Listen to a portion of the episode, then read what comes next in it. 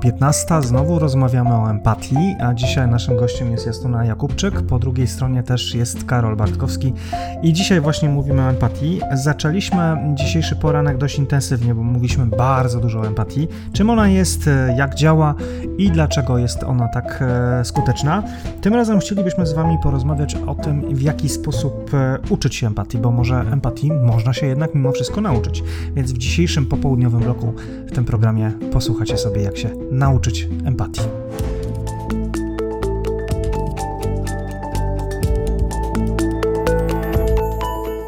Justyno, można się nauczyć empatii, czy jednak nie? No ja uważam, że tak i naukowcy też tak uważają i to jest potwierdzone bada- badaniami neurobiologicznymi, bo jak się okazuje, oprócz tego, że możemy mieć wrodzoną umiejętność empatii, która może się też rozwijać latami w zależności od sytuacji, jakby procesu edukacji, który mamy, czy procesu edukacji w kontekście na przykład budowania relacji z innymi ludźmi, ale też jesteśmy w stanie e, przyswoić sobie pewne e, techniki albo e, ćwiczeniami po prostu wytrenować tą umiejętność, dlatego że możemy stymulować e, neurony lustrzane, o których też już wcześniej wspominałam, które.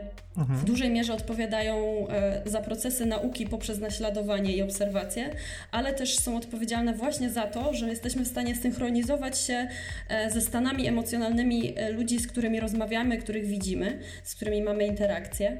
No i ja właśnie bardzo często stosuję takie techniki, metody podczas swoich e, warsztatów. E, w dużej mierze skupiając się na empatii kinestetycznej, to, to też już e, chyba wspomnieliśmy odrobinę wcześniej o tym. I mhm. to polega na tym, że bez używania słów mm, wchodzę w pewną interakcję z drugim człowiekiem, na zasadzie bardzo często też nawet kontaktu fizycznego, bo on jest, jeżeli mamy bezpośrednią relację, on jest niesamowicie istotny, bo to jest pewna energia emocjonalna, która też się buduje między ludźmi. I bez mhm. słów jesteśmy w stanie w jakiś sposób, patrząc na mimikę, wyczuwając te takie mikromomenty niewerbalne, jesteśmy w stanie albo odczuwać podobne stany emocjonalne, albo umieć je interpretować. I to jest ważne. Mm, I tutaj mhm. ciężko jest wytłumaczyć tak słownie, jak, jak te ćwiczenia wyglądają. To są ćwiczenia mentalno-ruchowe, gdzie angażujemy ciało, dotyk i generujemy pewne emocje, które ma odczuć druga osoba. Czyli na przykład pokazujemy ruch, który jest taką intensyfikacją na przykład złości jako emocji, tak? I to będą takie szybkie, posuwiste, dynamiczne ruchy i od razu jak ta osoba to obserwuje, e, w jakiś sposób czuje, no to jest w stanie wyczuć, jaki e, ładunek emocjonalny ja mam w sobie. Jest w stanie to zinterpretować i teraz, tutaj jest najważniejszy e, moment, czy trener, jak to obserwuje taką sytuację między dwoma, dwoma osobami, to patrzy, jakie reakcje są po stronie odbiorcy, czyli jak on się zachowuje. I to też pokazuje, w jaki sposób reaguje. Jeżeli chce się wycofać, to to pokazuje, że on się chce w jakiś sposób obronić. E, czyli, czyli tutaj mhm. mamy pole do tego, żeby popracować nad tym pierwszym komponentem emocjonalnym, czy umiejętnością przyswojenia tego stanu emocjonalnego, ale nie zarażania się nim.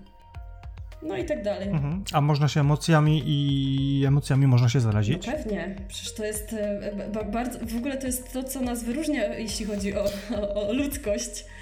No zachowa ja, ja, ja zdaję sobie z tego sprawę, że na przykład w zachowaniu tłumów, jak nagle ktoś w tłumie mówi pożar, to nieważne, nie rozglądamy się, znaczy dotychczas tak było, że się nie rozglądamy i uciekamy. No dzisiaj wyciągamy telefon z kieszeni i próbujemy nakręcić jakiś filmik na YouTube'a. No, Albo na Facebooka. No wiesz, no chcemy być empatyczni, nie? I pokazać innym, jak tutaj było trudno, tak. rozumiesz? No, nie, nie, wiesz, jak to jest. Ale wiesz, ale wiesz, ale empatia polega na tym, żebyś rzucił ten telefon i pomógł ludziom w ucieczce, tak? Ale... To tak, jest empatia. to jest empatyczna taka staromodna. No okej, okay, no nie wiem. Ale wiesz, możesz pomagać wtedy, tak. kiedy sam zadbasz o swoje bezpieczeństwo. To jest podstawowa sprawa, nie? Czyli... No instrukcja, instrukcja e, w samolotach mówi wprost, że najpierw sobie, a dopiero później sąsiadowi. Czy najpierw dbasz o swój komfort i robisz filmik, selfie i inne rzeczy, tak, a tak, potem tak. lecisz na pomoc. Nie? Ale odnośnie tych e, selfików ostatnio, nie wiem czy wspominałem to naszym słuchaczom, ale y, czym się różni zwykły człowiek od instagramerki? Ilością zdjęć wykonanych w toalecie. Okay. Więc e, to tak trochę, e, oczywiście abstrahując, ale czy w takim razie Instagramerka, e, robiąc sobie zdjęcie, ona jakieś empatię jakąś ma w stosunku do swoich odbiorców? bo może nie ma. Wow. No jak gdybym dbał o empatię swoich odbiorców, fanów, jakbym miał takich, pozdrawiam moich fanów, jeżeli są tacy. Na szczęście nikt tego nie będzie chciał słuchać, więc spoko. Żartuję oczywiście, e, A ale, my ale starałbym się... powiemy, Karol, masz, na pewno, na, na pewno, masz, tak, masz, masz. Dziękuję, dziękuję, dziękuję bardzo. No sympatyczne, to, było, to była sympatia. To była sympatia. Okej, Okay, okej. Ja jestem twoim dobrze. fanem na przykład, tak, jestem Okej, twoim fanem, absolutnie. Spoko. Autografy w poniedziałki między 18 a 18.30. Nowe? No ileż można Powiedz jeszcze mieć? gdzie, powiedz jeszcze gdzie. A nieważne gdzie, zawsze się gdzieś znajdzie. Przez Nie, ale tak na internet. poważnie, no przez internet, ale tak na poważnie, czy, czy, czy w takim razie my jako nadawcy komunikatu, albo na przykład telemarketerzy, jeżeli obsługujemy klientów, czy my możemy tą swoją empatią zarazić również tego klienta po drugiej stronie słuchawki?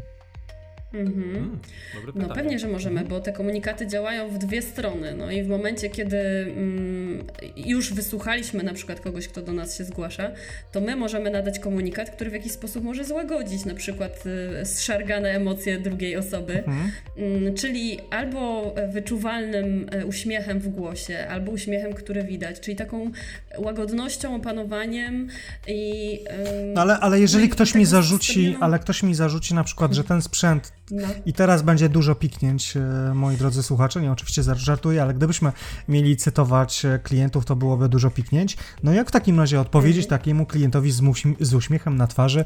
Dziękujemy za twój telefon. Jest nam naprawdę bardzo Cieszymy ważny. się, że masz no. problem. Cieszymy się, że masz nas problem. No. Tak, ale no, no, no E, jak? No, ja zdaję sobie z tego sprawę. żeby się psuły, żebyście do nas mogli dzwonić.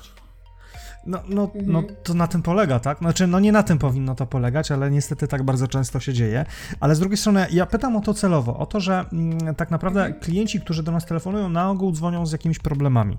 I teraz, na jak jesteśmy w stanie skłonni, albo jakie mamy umiejętności, aby tą naszą empatię przekazać klientowi, z którym rozmawiamy, aby on również Mhm. nas zrozumiał, że nie wiem, dowalił, nawalił dostawca, Mhm. czy jakiś podwykonawca, cokolwiek innego, co też z jednej strony Mhm. go uspokoi. On będzie też w stosunku do nas, do naszej marki, również empatyczny.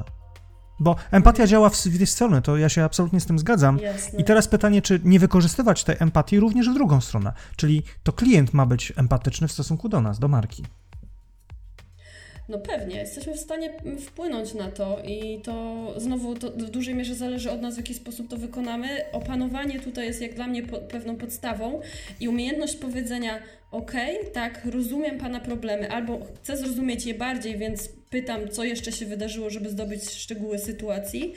I mówię o tym, nie tłumaczę się, bo tłumaczenie powoduje, że jakby dyskusja często jest roz, rozgorzała. Mhm. Mówię o tym, dobrze, podejmę wszelkie możliwe działania, które są po mojej stronie, żeby spróbować zaradzić temu, rozwiązać ten problem teraz. Mm, Czyli dowiem się, w którym momencie, na którym punktu styku całej tej ścieżki, którą klient przeszedł, coś przestało działać, tak? Albo co doprowadziło do tego, że ten klient jednak dzwoni i, i, i się żali. Mm, Tylko uwaga też tutaj, bo jeżeli wiemy, że nie mamy wpływu na to, żeby coś się zadziało, to lepiej tego klientowi nie obiecywać, bo potem klient nas tej obietnicy może rozliczyć. Słusznie. A nawet bardzo często rozlicza. Tak, Mhm. słusznie. Bo tak jeszcze wróćmy do początku w ogóle rozmowy. Wiarygodność, czyli obietnica marki, czyli to, co, cokolwiek marka komunikuje cokol- przez swoich pracowników przede wszystkim, jest później, e, zwłaszcza w Polsce, dla klientów podstawą ich e, lojalności. Mhm. No, to racja i to jest bardzo istotne, tym bardziej, że to jest jeden bądź co bądź filar, ale z drugiej strony mamy filar personalizacji, który też jakby Mhm. no, ma przełożenie na skuteczność, na jakość, na tak zwane FCR, o którym e, jakiś czas temu mówiliśmy na naszym podcaście, a tak naprawdę skupia się to wszystko na samym końcowym kliencie, który traktuje nas z takim empatycznym podejściem. No kurczę, no, brakuje mi tu słowa innego, ale empatyczne podejście klienta do Mhm. nas. Wyrozumiałe. Wyrozumiałe, tak. Bo przecież my też możemy coś tam spierniczyć w trakcie obsługi klienta i nagle się okazuje, że niewinna jest e, firma, tylko my sami albo jakiś kolega obok siedzący, który nakłamał klientowi. Mówię tak przerysowując oczywiście, że nakłamał, ale bardzo często się zdarza, że klienci e, telefonują na infolinię dwu, trzy, czterokrotnie tylko po to, żeby potwierdzić albo zaprzeczyć informacjom, które zostały powiedziane przez innego telemarketera. Mhm. Podnieście proszę rękę, kto tego nie miał. No, no, no, nasi słuchacze, proszę o nich, bo ja wiem, że e, wy widzę, że podnosicie rękę, więc, więc spokojnie. Natomiast no, to taka jest rzeczywistość. Mhm. Tak. No tak, no i widzisz tutaj to, to, to chyba jeszcze to, co nie padło, a faktycznie e, fajnie, że to, na to zwróciłeś uwagę, to jest kwestia też e, po pierwsze personalizacji, czyli zwrócenia się bezpośrednio do tego człowieka, który dzwoni, nie posługiwania się formułkami, ale nawet jeżeli znamy imię, no to to jest ważne, żeby, żeby ta osoba poczuła, że faktycznie słuchamy jej konkretnej pani Basi, która Mhm. dzwoni z danym problemem i odnosimy się do jej kontekstu życia i dowiadujemy się, co się stało i dlaczego dla niej to jest tak bardzo ważne. Mm, To raz. Ale wiesz, ale każdy problem, z którym klient do nas dzwoni, jest zawsze ważny. No pewnie, właśnie dlatego trzeba tu poprzez tą personalizację, czyli Mhm. bezpośrednio, bezpośrednie odniesienie się do kontekstu tego klienta konkretnego, który do nas dzwoni, pokazać, że on jest dla nas ważny. Mhm. Możemy to pokazać w różny sposób, ale przede wszystkim e, tą naszą troską o to, że wiem, rozumiem, że to jest dla pani trudne, jest mi przykro, czy nawet właśnie przeprosić, bo słowo przepraszam przecież nie jest czymś złym. E, No, gdyby- gdybyś ma sprzedawała-. Gdybyś Justyno sprzedawała garnki, to słowo przepraszam jest absolutnie zakazane.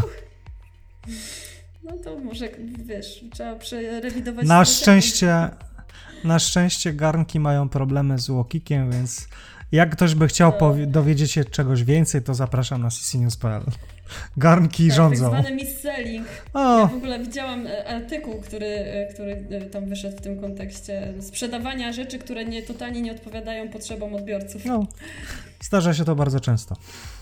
No dokładnie. A podobno dwa lata temu już miano wprowadzić środki zaradcze, e, żeby, żeby to się nie działo, ale no, tego problemu pewnie szybko nie wyeliminujemy. No nie, ale przynajmniej E, ale- zdiagnozował te firmy, które to robią i może na, zapanuje nad tym pewna korzyść, bo cierpi nie tylko te firmy, czy Łokik, czy sami klienci, ale cała branża. Ale to już zostawmy może ten temat na kiedy indziej. I Bądźcie zobaczcie, a zobaczcie, jakie to jest nieempatyczne. A jakie to jest nieempatyczne podejście do klienta, wepchnąć mu coś, czego on nie potrzebuje. Ale wiesz, ale Totalnie nie zrozumieć jego potrzeb. Ale call center, które bazuje na success fee, na takich rozwiązaniach rozliczenia, ono Mm. na ogół wpycha tym klientom te produkty. Albo sprzedaż, która ma prowizję od y, ilości. Tak, sprzedaje się najdroższy produkt tylko dlatego, że akurat jest na nim największa prowizja. No to, to już minęły te czasy i teraz mamy do czynienia z, ze sprzedażą doradczą. Kiedyś było to po prostu wciskanie. Ja pamiętam e, telemarketing przy okazji 2000 roku, 2005 i tak dalej, i tak dalej. No i on zupełnie inaczej wyglądał niż obecny telemarketing. Już dzisiaj nie dzwonią do nas ci telemarketerzy, nie wciskają nam byle czego. Raczej starają się Mhm. nas wysłuchać, a dopiero później sprzedać jakiś produkt. A przynajmniej robią takie pozory. No właśnie, i tutaj pytanie, w jaki sposób e, oni e, tę, usługę prowadzą i w jaki sposób e, dobierają dla nas produkty. Czy, bo jeżeli to robią na podstawie wywiadu, sprawdzając, jakie ja mam problemy, potrzeby i pokazując wartość, którą ja mogę dostać poprzez zakup, super. Mhm. No ale to tak właśnie powinna No. wyglądać sprzedaż. A więc również to też jest e, taka sprzedaż empatyczna, bo jednak bądź co bądź produkt dostosowujemy pod wymogi klienta, czyli wczuwamy się w niego, czyli znowu wchodzimy w jego buty, sprzedając mu taki towar, No, jaki on potrzebuje. Dokładnie. No i słuchajcie, czasami właśnie ja się spotykałam z tym, e, nawet jeżeli ja nie byłam w stanie e, w jakiś sposób e, sprzedać produktu czy usługi, którą akurat e, się posługiwałam temu klientowi i mu powiedziałam, rozumiem Pana potrzeby, ale nasz produkt nie jest w stanie ich teraz spełnić i jeszcze odsyłałam do konkurencji z punktu widzenia firmy totalnie nieodpowiedzialne zagranie. E, nie pracujesz już z tą firmą, rozumiem? No nie. No i masz odpowiedź. Z tego wyboru. E, Natomiast ten klient to docenił i przyszedł, podziękował i jakby to, to, to, ta wdzięczność też powodowała, że on wraca do tej marki. Jeśli nie teraz, to być może wróci później, bo wie, że ta marka się nim e, o niego troszczy. Mhm.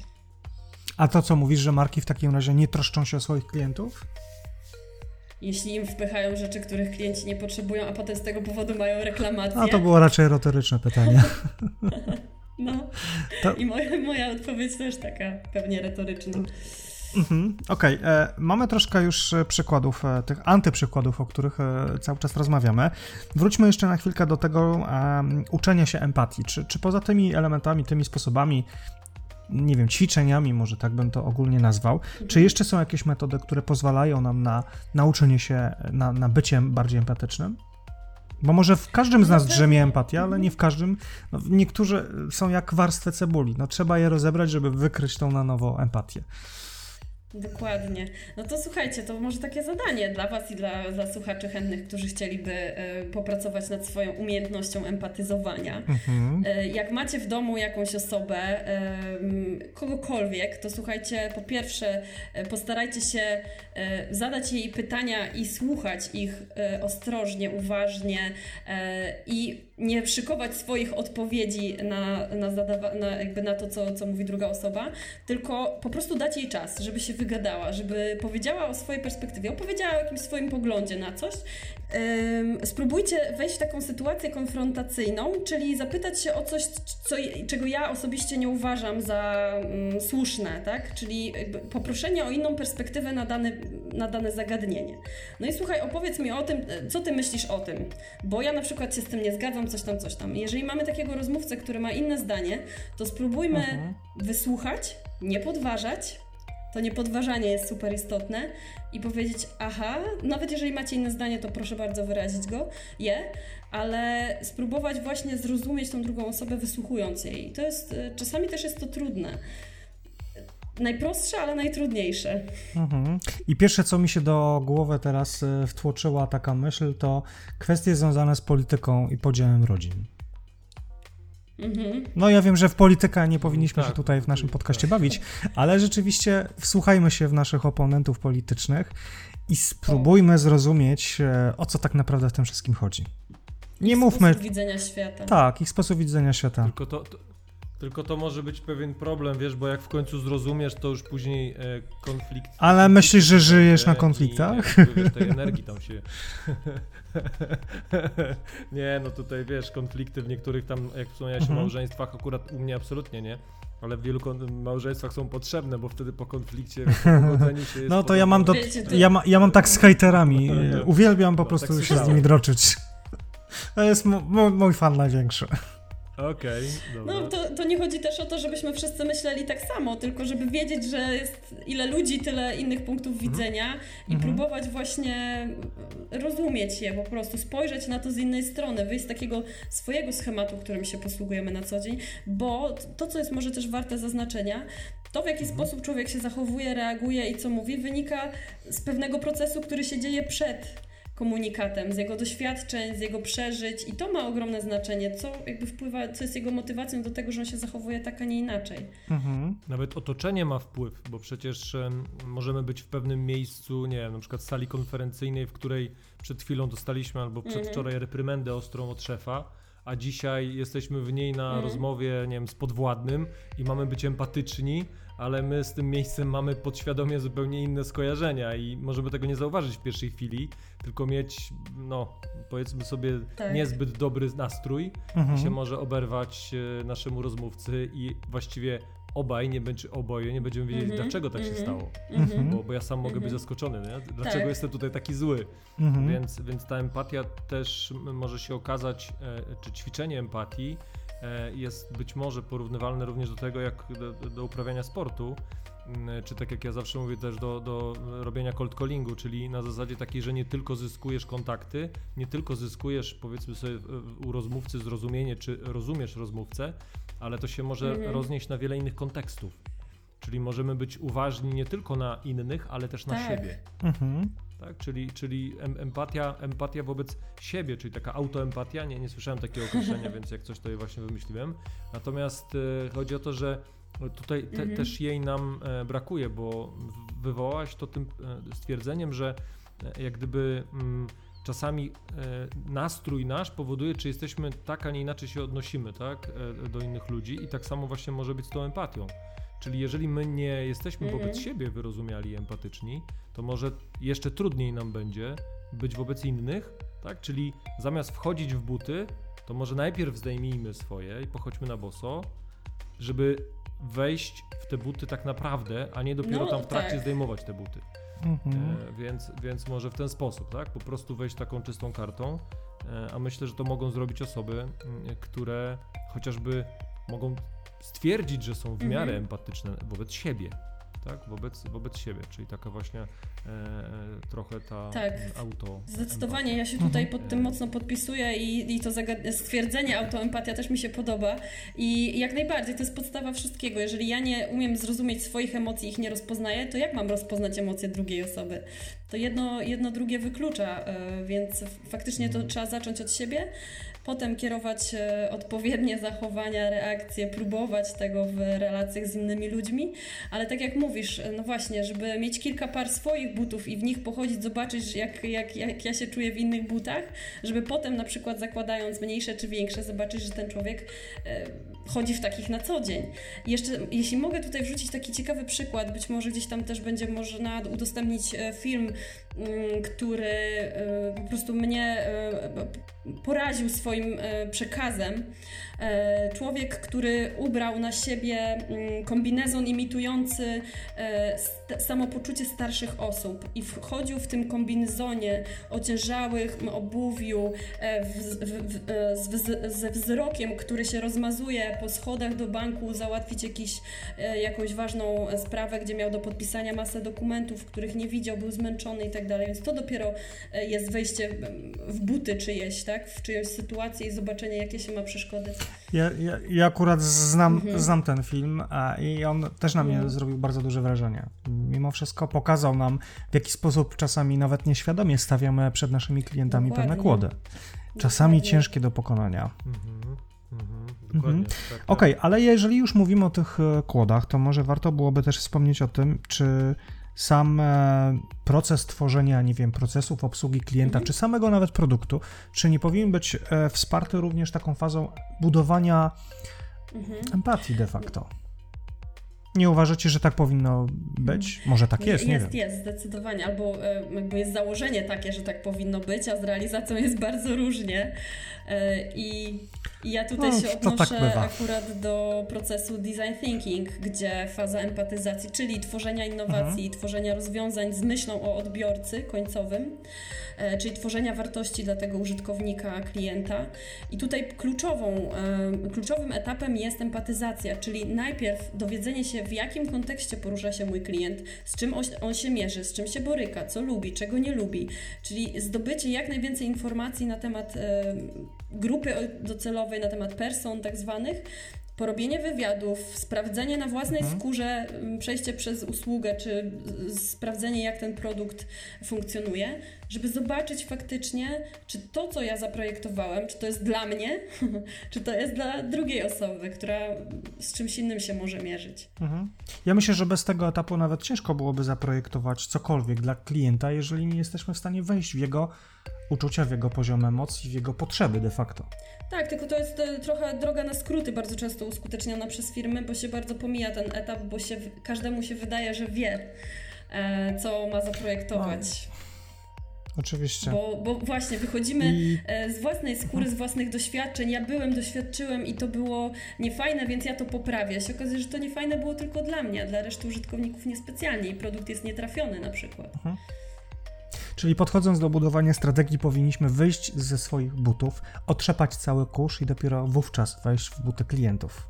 Tak. Ale myślę, A przynajmniej dobrze się przewietrzyć.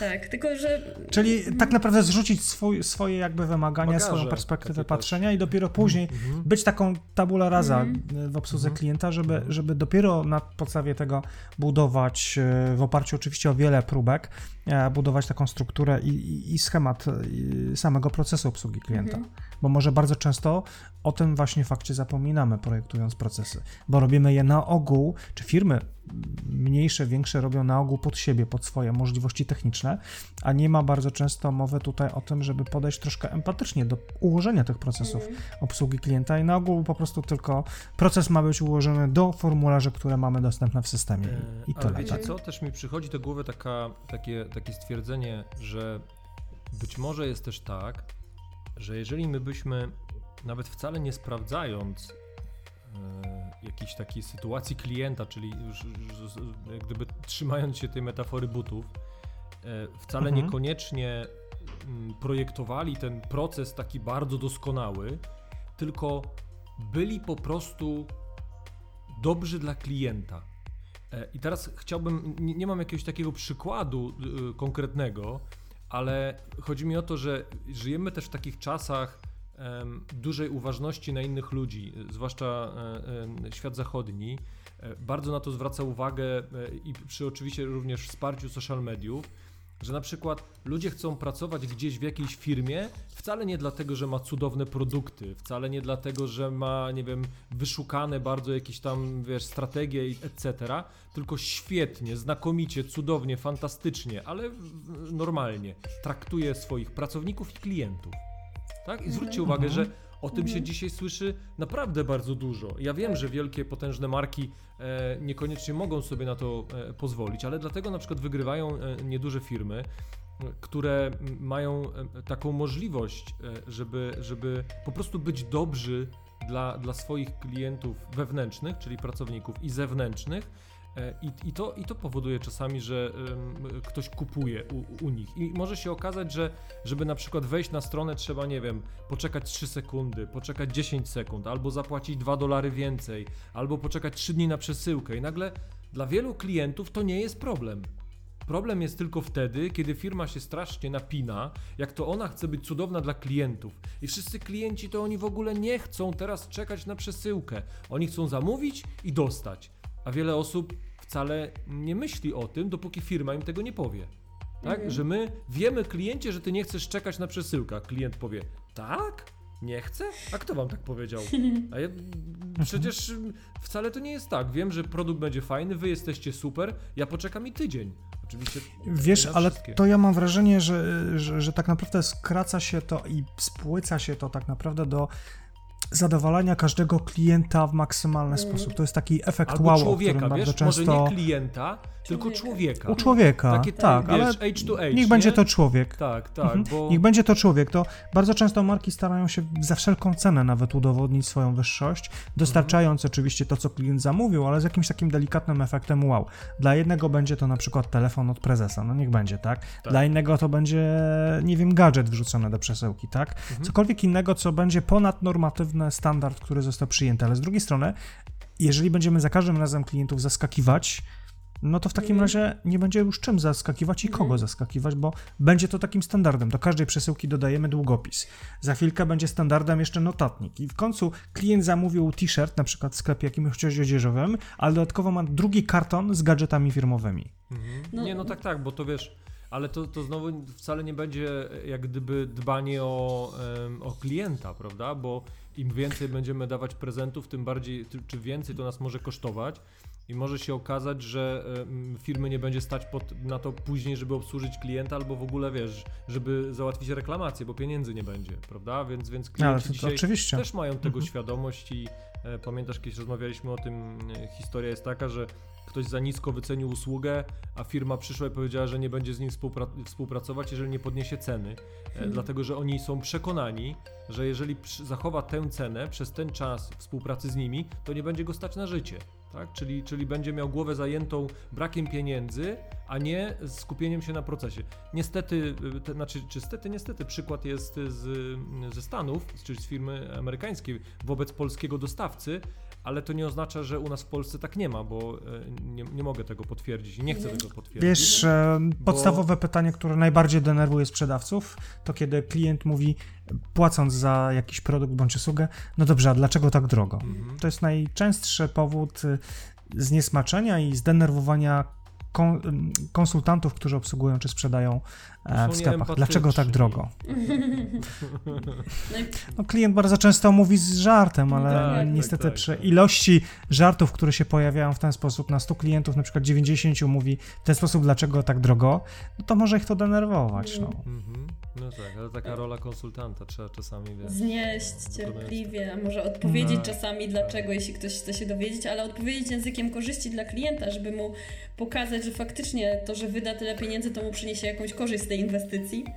A nie specjalnie mówić, że a, bo ten proces, bo tamten, bo takie składniki, takie produkty i takie koszty, które generują taką cenę, nie?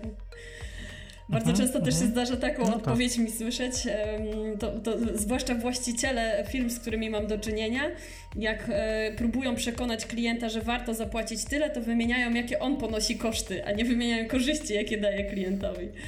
No, więc to jest Mhm. też tutaj nie, nie, niezrozumienie. No to jest, to, to jest kwestia e, kiepskiego handlowca, no bym tak powiedział. To raz.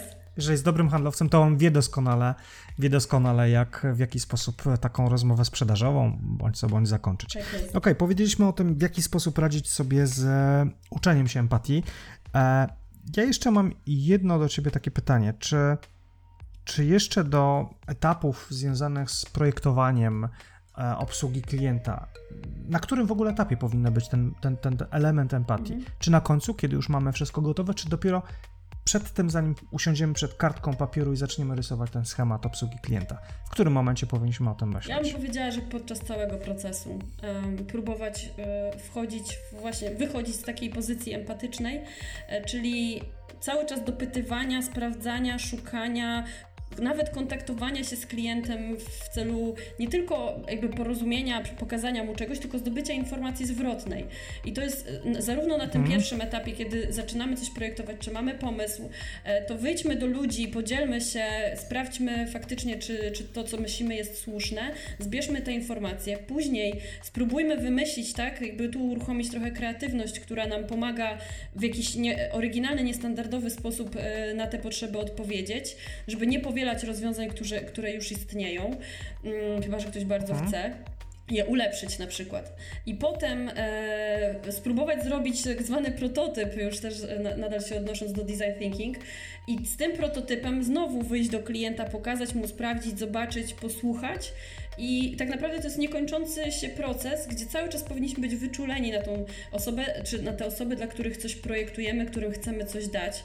I być otwartym, o może to jest też ważne, żeby Mhm. e, powiedzieć, być otwartym i elastycznym na to, co ludzie nam mówią.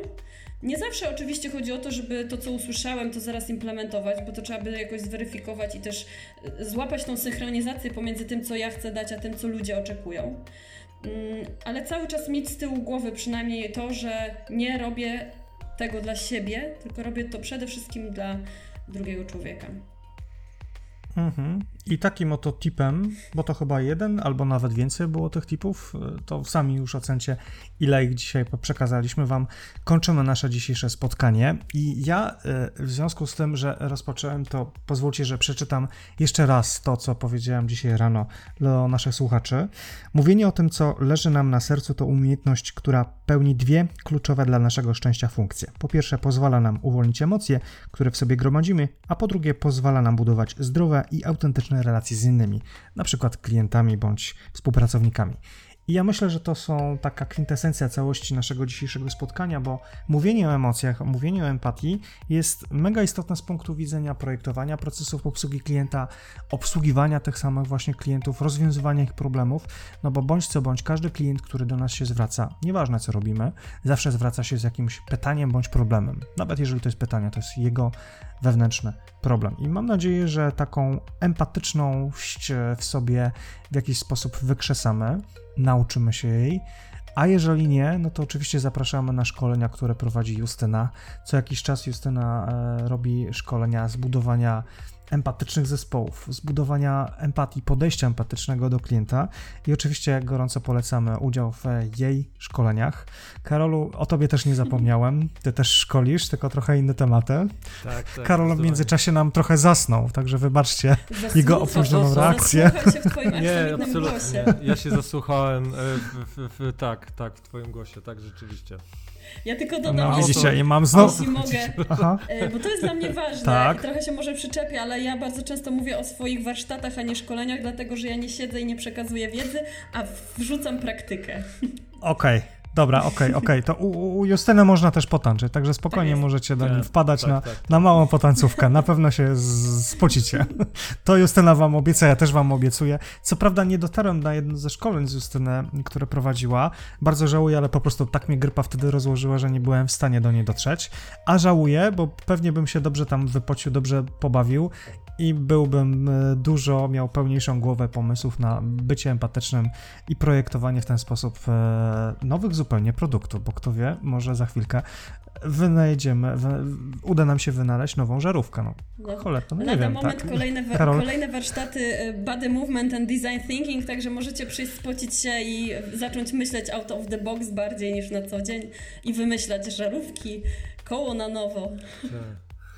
No, Widzisz, no ty tyle, tyle dzisiaj gadasz, że tak powiem, e, nieempatycznie, że ty się dziwisz, że ja się nie odzywam. No. Widzisz, jak ty. No wiem, ja cię nie, potra... nie, nie, nie pozwalam ci dojść do głosu, no kurczę, Ale- sorry. Ale, za, Ale wiesz co, ale załóżmy się, ale o jedną rzecz się teraz załóżmy przed słuchaczami. Następny program prowadzisz ty. Dobra, taka jest umowa. Jest okej. Okej, U- u- dobra. dobra. Chyba, że przestawimy odcinki kolejność, to się nam znowu nie uda. No nie, ale to wtedy, to wtedy ja wygram zakład, więc już tego nie przestawiaj. Dobra, okej, Super. spoko. Także dziękujemy, Dziękujemy serdecznie za dzisiejsze Justyna. spotkanie. Tobie, Justyno, dziękujemy za to, że nam naszym. podzieliłaś się strasznie, strasznie, tak strasznie powiem, e, swoją empatią i nauczyłaś nas fajnie. bycia em... strasznie fajnie być e, empatyczną osobą. Ja dziękuję oczywiście też i Karolowi, i szczególnie Dziękuję naszym bardzo. słuchaczom, którzy dotrwali do tego ostatnich minut e, tego programu. Jeszcze mam jakieś trzy słowa do ojca dyrektora? Trzymaj się dobrze. Bądź empatyczny dla siebie O, i innych. właśnie. To było więcej niż trzy słowa. Tak. Okej, dziękujemy serdecznie za, za nasze dzisiejsze spotkanie. Słyszymy się w kolejny poniedziałek, a kolejny poniedziałek to kolejny interesujący temat. Do zobaczenia, trzymajcie się. Do zobaczenia, do usłyszenia. Do zobaczenia w poniedziałek.